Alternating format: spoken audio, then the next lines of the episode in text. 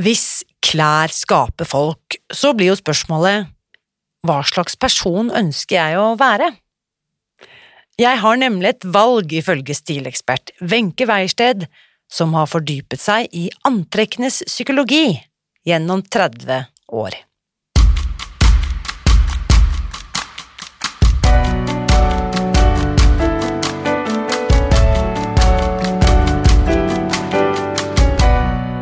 Mitt navn er Irina Li. Jeg er journalist og forlegger, gründer og sosial entreprenør. I 2015 spiste jeg meg fri fra overvekt og fedme etter å ha slitt med vekt, kropp og følelser i nesten 30 år. Etter at jeg knakk koden, ga jeg meg selv et nytt oppdrag – å dele denne kunnskapen med alle som trenger det. I denne podkasten kan du derfor høre hele lydboken Spis deg fri, den finner du ved å bla deg tilbake i arkivet og lytte til første sesong. Hver uke inviterer jeg nå gjester som gir deg påfyll til hodet, hjertet og magen. For min visjon er å endre Helse-Norge, og det får jeg ikke til alene.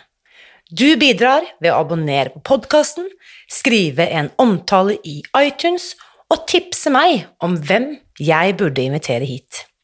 Da setter vi i gang med ukens episode. Når jeg jobber med mennesker, blir jeg aldri utlært, sier stilekspert Wenche Weiersted i dagens episode. Jeg er helt enig, og jeg er faktisk fristet til å legge til at uh, når jeg jobber med meg selv, blir jeg heller aldri utlært. Og etter at jeg spiste meg fri og gikk ned all min eh, overvekt for nesten seks år siden, så oppdaget jeg plutselig et uh, nytt fagfelt nemlig kunnskapen om klær og snitt og stil og farger, som jeg aldri egentlig hadde brydd meg om. Fordi når jeg var tjukk, så hadde jeg ikke den luksusen at jeg kunne velge det jeg likte. Det gjaldt bare å finne noen klær som passet. Og når jeg da plutselig fikk muligheten til å nærmest velge hva som helst, så trengte jeg faktisk hjelp fra en ekspert for å finne ut hva jeg ville ha. Og slik traff jeg altså ukens gjest. Kjære Wenche, velkommen til podkasten. Takk, det er kjempespennende. Jeg gleder meg. Du og jeg, Wenche, vi har jo kjent hverandre nå i flere år, og jeg har bare setter mer og mer pris på vårt vennskap. Og så Marmen, men uh, For de som ikke kjenner deg, og for de som ikke ser deg på denne lille Zoom-skjermen, uh, fortell litt, uh, Wenche, om deg selv. Ja, jeg vokste opp i Oslo og dro til USA da jeg var 20 for å bli ett år. Og så var jeg borte i 42 år, sånn at det å legge planer har jeg lært er ikke min styrke. Fordi at you have to go with the flow, og livet tar over og forteller deg hva du skal gjøre. Sånn at uh, jeg hadde tenkt å ta en, uh, en uh, kreativ utdannelse i Norge. Jeg hadde tenkt å bli lærer og formingslærer og tekstilkunstner kanskje, og gå, de, gå, den veien. Men da jeg var i USA, så måtte jeg finne noe som de tilbød der, og det ble interiørarkitekt. Så jeg hadde, har en fireårsutdannelse fra en skole i New York som var midt i blinken for meg, faktisk. Og jeg har alltid vært opptatt av både farger og stil og mennesker og kunst og kultur og det som hører til. Så jeg elsket det yrket. Men eh, da jeg flyttet til Tyskland med familien min i 1986, eh, oppdaget jeg at interiørarkitekter de ble ikke brukt så mye som de gjorde i USA. Eh, og jeg hadde jobbet for meg selv da etter at barna mine ble født, sånn at da hadde jeg kontor hjemme. Så jeg tenkte at nå må jeg gjøre noe annet, og jeg hadde jo lært om dette jeg holder på med i dag. Det lærte jeg jo om mens jeg bodde i USA. Eh, og var fascinert av det, for dette var noe helt nytt for meg. Det at dette med farger og mennesker eh, og kommunikasjon, det syns jeg var et spennende tema. Så da tok jeg, etter at jeg flyttet til Tyskland, da, så tok jeg utdannelsen i USA i to porsjoner. Eh, første gang for farge, og det var i 1989, så jeg har jo holdt på i over 30 år. Eh, og et par år senere så tok jeg da en full stilutdannelse. Og jeg har vært heldig og, bli kjent med de beste på dette området i USA, og det var jo såkalte tilfeldigheter. Eh, så jeg har vært veldig heldig med kunnskapen jeg har fått. Fordi da har vi Og så har jeg drevet for meg selv siden 89. Ikke sant? Eh, Og, og siden da, du er jo ikke i Tyskland lenger, siden da har du kommet hjem, ikke til Oslo da, men til Ja. Oslo-regionen kan vi si, du er jo i Bærum rett utenfor, ikke sant? Eh, Ja. På Jar, for de som ikke er lokalkjent, så er jo det bare et morellspytt eller to fra Oslo sentrum. Ti minutter å kjøre. Ja. Men, men eh, når du da snakker om denne farge- og stilanalysen, for de som ikke var med på det spranget, så har du da gått fra interiør til farge og stil i å jobbe med mennesker. Altså Ja. personlig farge og stil. Mm. Ja, og Det som var interessant med det, at jeg var jo ikke klar over i begynnelsen hvor omfattende dette temaet er. Så Det betyr at jeg bare fortsatte og fortsatte med videreutdanning på veldig mange forskjellige områder, fordi at området bare utvidet seg dess mer erfaring jeg fikk. Så jeg har også en tilleggsutdannelse i noe som heter transaksjonsanalyse, som er del av den humanistiske psykologien. Eh, Du lærer om kommunikasjon, og, vi, og eh, jeg måtte lære mer om computer og, og markedsføring og, og, og eh, noe som heter fysiognomi. Altså, det slutter aldri. Så du, det, døren er ikke lukket ennå. Det er alltid noe nytt å lære når du har med mennesker å gjøre. Det Så er, det er veldig så spennende, for jeg jobber jo helhetlig nå i dag. Det gjorde jeg ikke i begynnelsen, for da hadde jeg ikke informasjonen eller bevisstheten Mm. eller erfaringen. Jeg skulle til å si det, eller erfaringen, for det er jo det eh, du Ja. bringer også med deg idet du entrer Ja. rommet. Så bare ved å se deg, Wenche, så skjønner vi at her kommer det for det første en kompetent dame, og som selv lever det du lærer ut, for det er jo bare å se på deg. Nå, nå ser jo ikke disse deg, da, men du er jo en Det syns på deg, da, at du vet hva du gjør. Og så ikke minst, her kommer det en erfaren dame. Det, Ja. det bærer du på en måte med deg. Kan jeg eh, Ja. Altså, jeg, jeg er jo også, som du eh, eh, kanskje vet, kanskje ikke, jeg er jo halvt tysk. Det vet jeg. Ja, og har jo med meg ikke sant? Her kan vi jo referere til De Wenche. Det var jo en annen Wenche, en norsk Ja. annen Wenche som hadde den hedersbetegnelsen før deg, men Wenche Myhre tåler, eh, tåler eh, en sammenligning her med De Wenche Numbert zwei, da. Ja. Eh, eh, Nettopp. Eh, og da lurer jeg på, uh, Wenche, og jeg vet at dette ville vært å banne i, i kirken hvis min tyske mormor hadde hørt meg spørre deg nå om din alder. Er det noe jeg kan spørre deg om, eller er det noe liksom det ikke, vi ikke snakker høyt om? Det, det er jeg ikke redd for å snakke om, fordi at eh, det er del av mitt budskap er at vi skal akseptere den vi er, og, og alderen spiller Altså, jeg blir 72 dette året, senere dette året. Jeg er 71 nå, og jeg føler at jeg har eh, ennå masse foran meg. Jeg prøver å holde meg i form. Jeg er veldig bevisst på hva jeg spiser og hvordan jeg lever. sånn at eh, det er viktig spesielt når man blir eldre, at man prøver å ta vare på den kroppen man har og gjøre det beste ut av det. Så, så jeg setter nok prioriteter som ikke alle andre gjør. Eh, Men det er viktig for meg. Jeg er et veldig følsomt menneske, og hvis jeg gjør noe som ikke stemmer med kroppen, så er reaksjonene ganske sterke, Mm. sånn at jeg er nødt til å passe på. Og det er interessant, akkurat det du sier der, eh, og her, denne samtalen kan vi jo ta i alle retninger, men akkurat det der kroppen sier fra, er det også Ja. noe du har måttet lære, og her er det den 45 år gamle lillesøsteren din som spør, eh, Wenche, Ja. er det da eh, dette med magefølelsen, er det noe du har måttet lære deg til, eller har du alltid hatt det sånn, eller har du alltid hatt en sterk intuisjon, eller har du måttet lære deg til å kjenne den igjen og lytte til den? Jeg har alltid hatt en veldig sterk intuisjon, eh, men jeg har ikke alltid hørt på den. Ikke på alle områder. Mm. Eh, Sånn at det er jo også en utvikling hvor jeg eh, egentlig alltid har vært interessert i å høre på den, men jeg har ikke alltid fått med meg signalene Mm. og kunne tyde dem til mitt beste. Så det blir jeg bare bedre og bedre på dess eldre jeg blir. Ikke sant? Det er spennende, og jeg, jeg er så enig, selv om jeg ikke har like lang erfaring, så har jeg nå, og jeg vil si faktisk enda mer etter at jeg begynte å spise meg fri, da, og legge om kostholdet, Magefølelsen har blitt så mye bedre når den ikke er bedøvet av rett og slett dårlig mat og drikke. Ja, helt riktig. Sånn at uh, jeg, selv om ikke jeg har akkurat det problemet uh, som dere har hatt med mel og sukker, så har jeg andre utfordringer, og jeg er, har et så følsomt system at jeg er nødt til å passe på. Mm. Mm. Jeg er nødt til å passe på. Ja. Og det lar meg da lupe tilbake hvordan vi to traff hverandre. For det er en, eh, ja. vi har en felles venninne som vi begge to er veldig glad i, som er kanskje sånn aldersmessig mellom oss et eller annet sted, da, for å si det sånn. Um, og det er jo noe med det at uh, gode mennesker tiltrekker seg flere gode mennesker, så via henne så Hun hadde vært på en farge- og stilkonsultasjon hos deg, og jeg ble jo ble kjent med henne ikke så lenge etter at jeg hadde gått ned all min overvekt.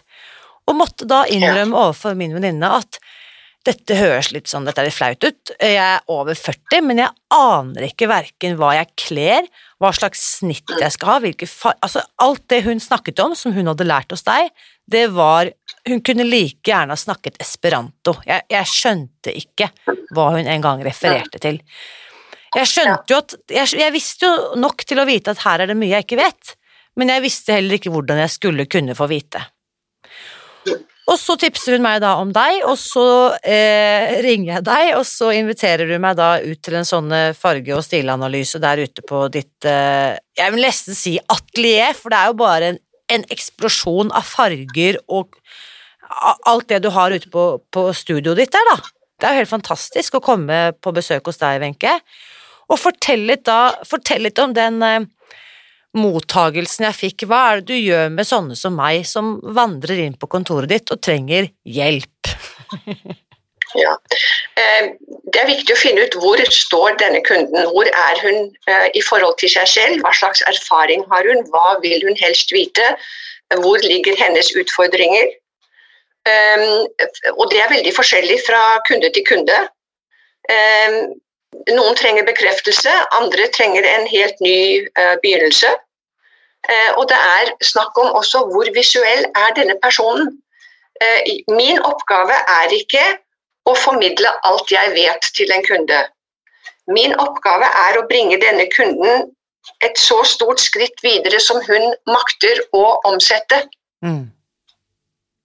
Sånn at eh, noen trenger å komme flere ganger, for de kan ikke fordøye alt jeg har å si til dem med et møte. Ikke sant? Så dette, dette, er en prosess som jeg setter i gang hos kunden, og så er det opp til henne å føle når trenger jeg mer input. Mm.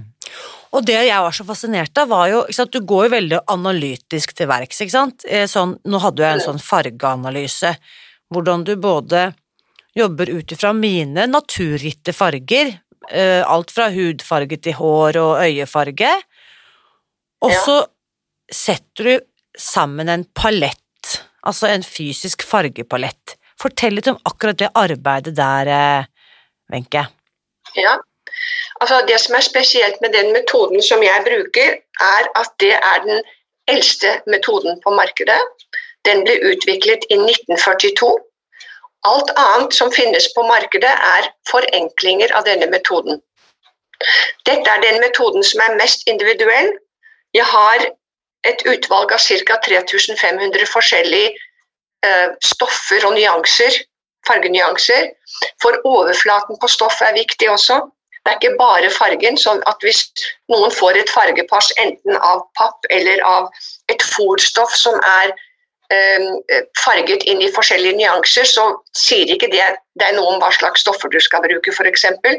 Så det er litt viktig å finne ut Eh, trenger jeg struktur i stoffoverflaten, eller skal de være matte eller blanke eller glatte?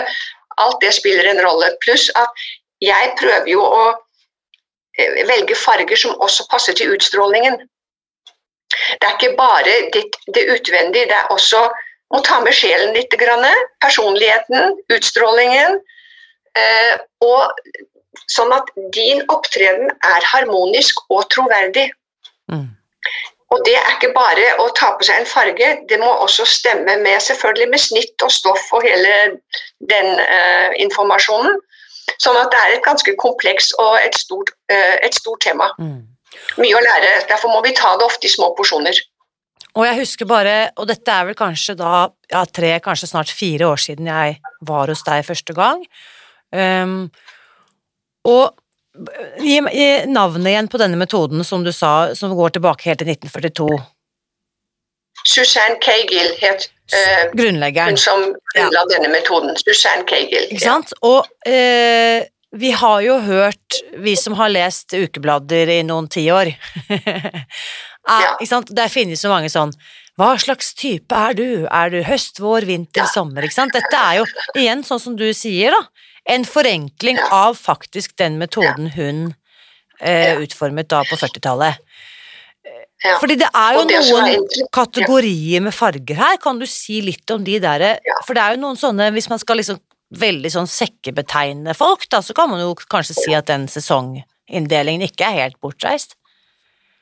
Nei, men den er forenklet sånn som de andre gjør det. fordi at eh, det de ikke legger vekt på, er personligheten og hva slags eh, karaktertrekk du har. Eh, det er viktig fordi at en årstid har jo egenskaper, karaktertrekk og energi. Og du skal, hvis du er en årstid, så skal du dele hovedtemaene som den årstiden har. Og du kan ha flere enn én årstid i deg. Det er jo det som jeg gjør som er litt annerledes. Jeg har f.eks. tre årstider i meg. Eh, og, eh, og, ikke det at det er noe bedre enn å ha én, det er bare det at det er min personlighet og hvordan jeg ser ut. Eh, og når vi tenker på verdens befolkning, og, og, så sier man at det finnes bare fire typer, det er ikke nok. Ikke sant? Det er, eh, blir bare veldig overfladisk. Så, eh, eh, og så er det masse Med det systemet jeg bruker, er det en masse såkalte undergrupper. Mm. Som subtypes på engelsk. Og sikkert 15-20 i hver eneste årstid. Sånn at det er så mange ting som spiller en rolle. Det kan være forskjellig ansiktstrekk, kroppsstørrelse, farger. F.eks. Eh, at noen har en annen øyenfarge, kan ha en innflytelse på paletten. Eh, og du kan heller ikke dele opp varme og kalde farger, for mange mennesker har begge deler. ikke sant? Mm. Sånn at La oss si en typisk norsk pike med blå øyne, lyst hår og lys hud, hun har, er, kan være både varm og kald. Ja. Ikke sant? Sånn at Da får hun begge deler. Du kan ikke si at du bare kan bruke én. Mm. Eh, det er ikke logisk engang. Og det som vi da også snakket litt om, det er jo, og det som jeg slet med når jeg også kom til deg, er jo, eh, og som jeg vet at veldig mange andre kvinner jeg har snakket med kan relatere til, er at når jeg gjennom 40 år har følt meg for stor og, og vært overvektig, følt meg for stor og prøvd å kle meg for å ikke synes Ikke sant? Prøvd å eh, Jeg har jo av gode grunner en forkjærlighet for eh, sort og grått, og det har jeg jo for så vidt fortsatt, men og, og uformelige klær i sort og grått det krever jo et hva skal vi si, et ganske sånn stort eh, mentalt sprang fra klienten din. De må jo være klare for å put themselves out there, på en måte, hvis det går an å si det. Mm. Eh, det er veldig interessant, fordi at eh, alle står jo på et litt forskjellig sted ikke sant? og har forskjellige la oss si, ideer om hvordan de ser ut, eller hvordan de gjerne vil se ut, og hva de vil gjemme osv. Eh, men eh, de fleste det jo, sitter jo i hodet.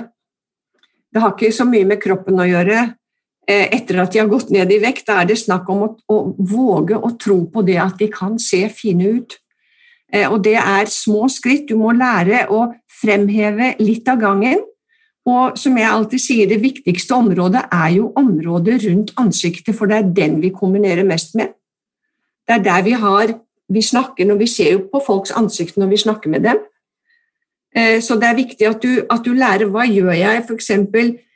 med smykker og skjerf og farger nær ansiktet. Der, det er der vi trenger å ha den sterkeste sympatifaktoren, som jeg kaller det. Ja. Eh, og så er det resten av kroppen. og så er det Generelt er det jo sånn at vi prøver å vise der hvor vi er smale. Og alle har noen sted på kroppen som er smale, enten det er ankler eller håndledd eller hals eller midje eller legger eller lår eller hva nå det kan være, så prøver vi da å ikke ha for mye stoff rundt de områdene. Sånn at det, du får mye mer figur og fasong hvis du klarer å fremheve de stedene som, på kroppen som er smale. Mm. Det er veldig mange som har gjemt seg bort og ikke er klar over at de f.eks. til og med på overkroppen har et område mellom armhulen og eh, midjen som er ganske smale, og da skal de ikke ha en svær sekk på seg. Mm. Ikke sant? Og så er det også det at det ikke skal være for trange, for da, da gir det heller ikke et godt inntrykk. Så det skal sitte litt smalt og litt, litt figur etter figuren. Eh, og da ser det fantastisk ut. Og så er det å venne seg til den nye silhuetten du har fått. Mm. Ikke sant? Det er eh, å akseptere at nå er jeg på riktig vei, og nå skal jeg nyte det, og våge å tro at det er sant. Mm. Våge å tro at jeg må ikke gjemme meg mer. Det er en stor invitasjon, det å, å tørre å Ja. våge å tro det. Um, Ja. Og jeg Det vet er jo en mental prosess, ikke Det er, sant? det er en, en mental eh, Ja. renselsesprosess, vil jeg faktisk eh, Det er, si. det, og det kan ta år for noen, Mm. og noen er ganske klare. Det er veldig forskjellig fra menneske til menneske, egentlig. Mm. Mm. Og jeg lurer på dette med denne å ha med seg bagasjen. Eh, Jeg har mislykkes liksom 27 Mm. ganger, alltid gått opp igjen i vekt. Så for sikkerhets skyld så tar jeg vare på de XXL-klærne bakerst i skapet, Mm. for en ja. vakker dag så kommer jeg jo kanskje sannsynligvis til å gå opp igjen. Ja. Der har jo jeg et klart råd, å bare få de klærne ut. Ut. Ja. Hva tenker du om det, Wenche? Ja, jeg tror det er veldig viktig at det som henger i skapet, det skal passe til den kroppen du har nå. Ikke sant? Mm. Eh, det å kjøpe ting som er for små, f.eks., som veldig mange gjør, for å si jeg skal bare gå ned fem kilo. Eh, jeg tror ikke det er så lurt, fordi eh, da legger du et press på deg selv som er helt unødig. Jeg tror ikke det er motivasjonen som virker. Jeg tror det er å være mye snillere med seg selv å gi seg tid og være glad i seg selv. og eh, Fem kilo mer eller mindre når du har liksom gått ned så mye, det spiller jo ikke så stor rolle, og det har ikke noe i hvert fall med egenkjærlighet å gjøre. Mm. Eh, Det er jo andre, det er jo andre egenskaper som da heller står frem, ikke sant. Mm. Eh, Sånn at jeg tror det er det å, å også være realistisk. Det tror jeg også er viktig Mm. å kjenne seg selv og akseptere sin personlighet og hva, hvordan trenger jeg å gjøre dette. For det har sikkert du sett at det er mange måter å gjøre dette her på. Mm. Det er mange forskjellige drivkrefter som ligger bak til å klare det. Og, og mange går jo opp og ned og frem og tilbake, men de klarer det ikke sant, til Mm. slutt. Og det, det er jo også helt normalt. Sånn er jo livet. Mm. Vi er ikke roboter. Takk og lov. Ja, nettopp.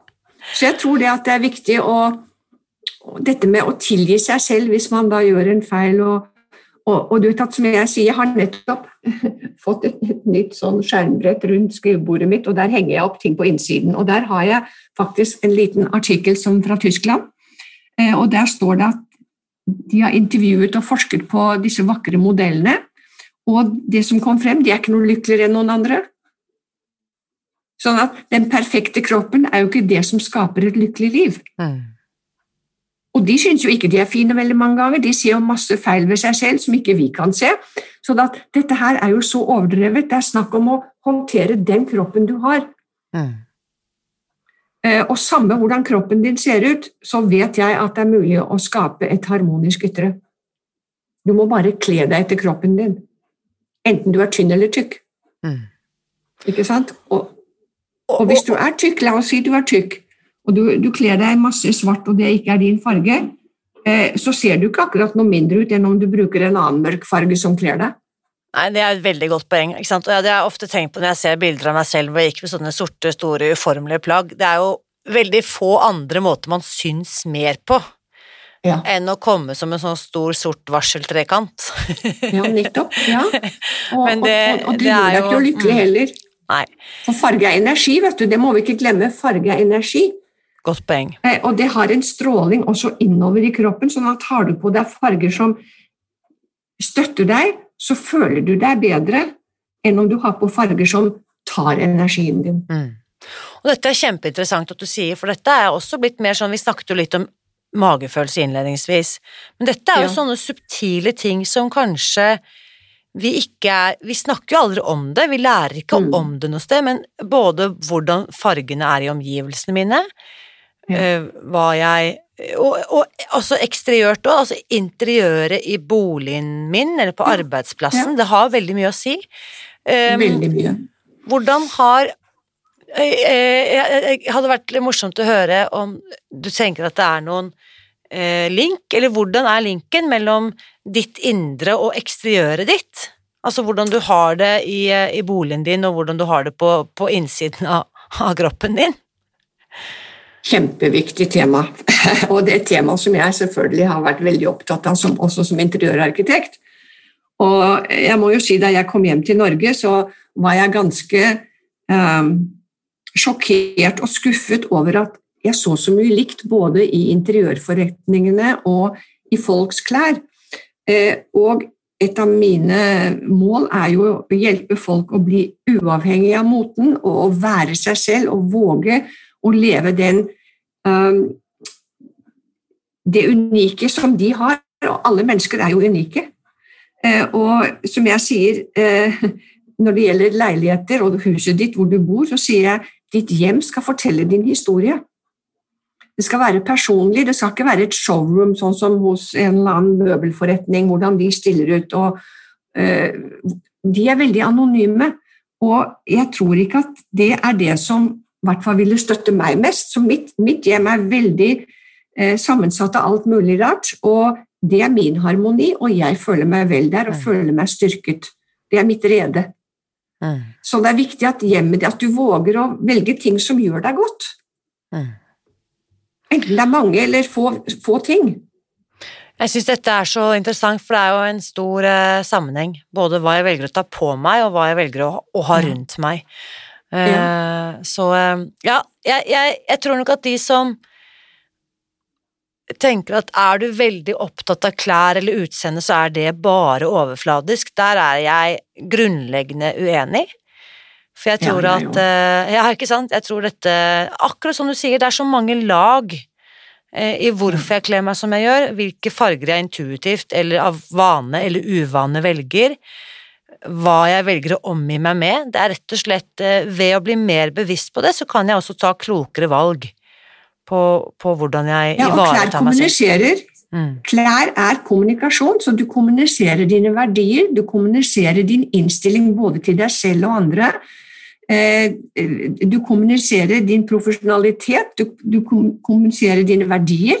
Altså, det er du kan, Alle har, som det står i det er en veldig morsomt eh, sitat som står i en sånn eh, copyshop i Oslo. Der står det 'Ditt uttrykk er vårt inntrykk'.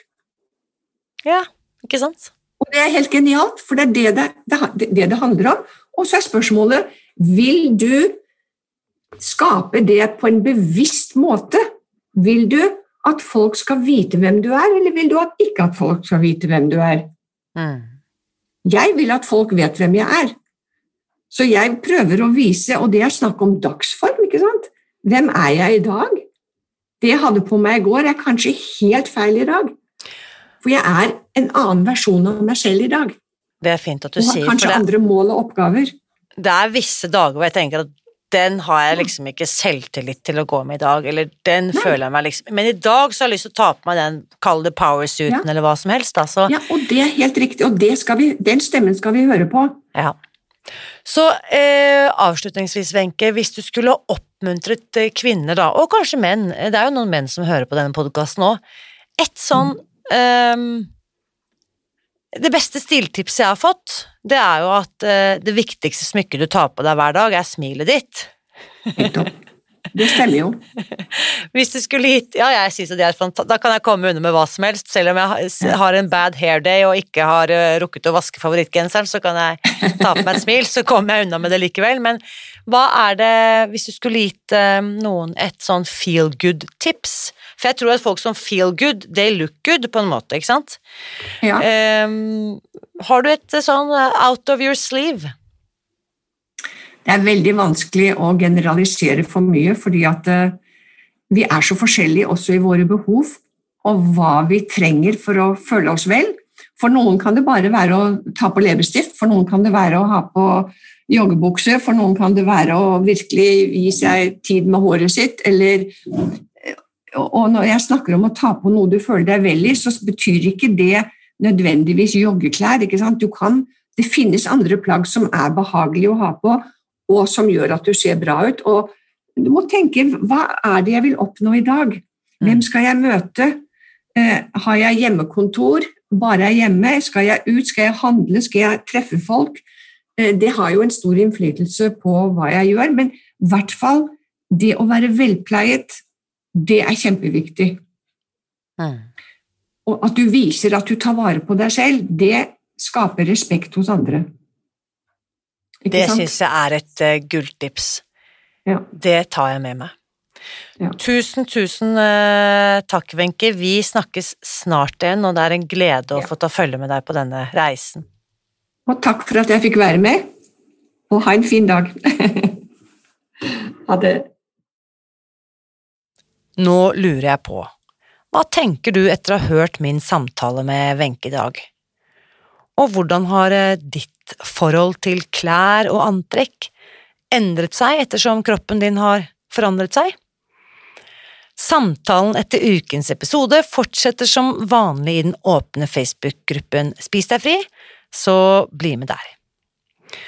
Og når denne episoden sendes, så er vi jo midt i pinsen.